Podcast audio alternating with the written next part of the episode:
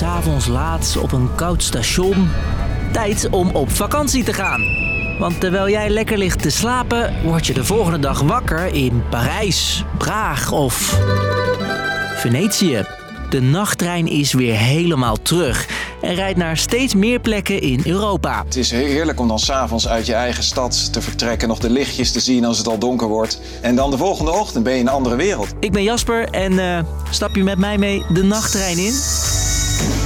Verhaal kort. Een podcast van NOS op 3 en 3FM. Slapend naar je vakantiebestemming, waar dan ook in Europa. Dat klinkt nu als een droom, maar was jarenlang de werkelijkheid. In 1953 ging voor het eerst de Trans-Europe Express de grens over. Het idee van ingenieur Den Hollander, die hiermee heeft willen bewijzen dat er door samenwerking tussen de Europese spoorwegmaatschappijen veel te bereiken valt. De TEE was een luxe trein die reed tussen 70 Europese steden. Allemaal om rijke zakenmannen in de trein te krijgen, in plaats van het vliegtuig. En dat deden ze door echt die TEE helemaal te stylen zoals het vliegverkeer ook. Dus ook met een soort stewardessen aan boord, heel goed eten. Je hoort treinenkenner Arjan den Boer. De TEE reed alleen maar overdag, maar de opvolger van de luxe trein kreeg al snel een nachtelijke variant, de Euronight. En naast vliegtuigen konden ook auto's concurrentie van de trein verwachten. In 1960 begon Nederland daarmee een autoslaaptrein van Amsterdam-Amstel naar Avignon in eh, Frankrijk. En niet alleen zakenmannen kozen voor de trein. Ook steeds meer jonge mensen stapten met backpack en al aan boord om te interrailen. Beschrijf nou eens het interrailgevoel. Eh, vrijheid. Enorm vrijheid. Je kan gewoon precies doen waar je zin in hebt. Maar ondanks die vrijheid verloor de trein populariteit. Want vliegen werd steeds makkelijker en goedkoper. Steeds meer slaaptreinen verdwenen en in 2016 haalde de Deutsche Bahn hun nachtelijke ritjes van het spoor. Dit is de laatste trein. Laatste trein? Echt? Niet echt de laatste dus, want inmiddels komen de nachttreinen weer terug. Zo kan je sinds vorig jaar iedere dag met een NS-trein snurkend naar Wenen.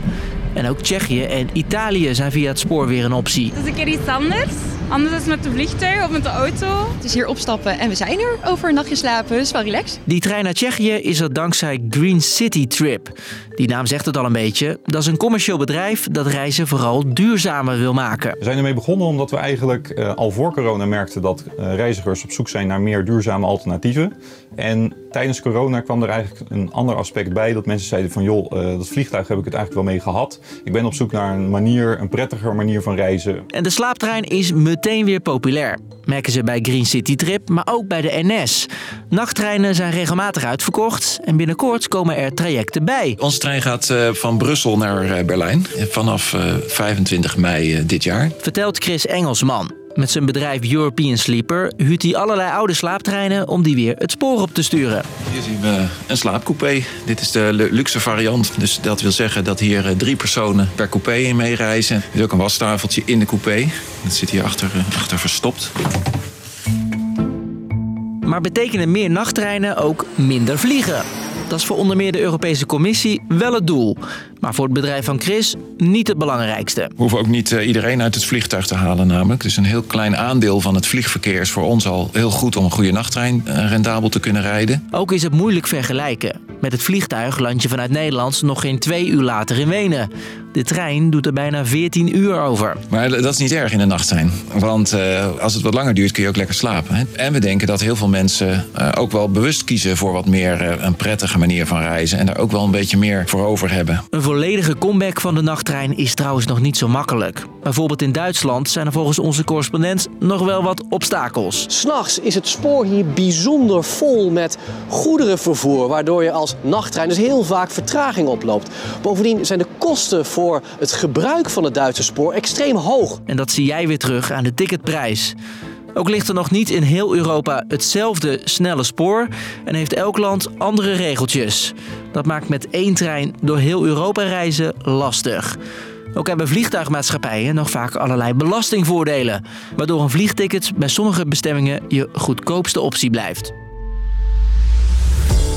Dus lang verhaal kort. Zo'n zeven jaar geleden verdwenen alle nachttreinen hier van het spoor, omdat we massaal het vliegtuig pakten. Nu boemelen er steeds meer slaaptreinen terug en die zijn ook weer populair. Maar of we daardoor massaal het vliegtuig laten staan, dat is afwachten. Nou, uh, ik vond het gezellig dit ritje, maar volgens mij is het tijd om uit te stappen. Morgen even kijken, de dienstregeling.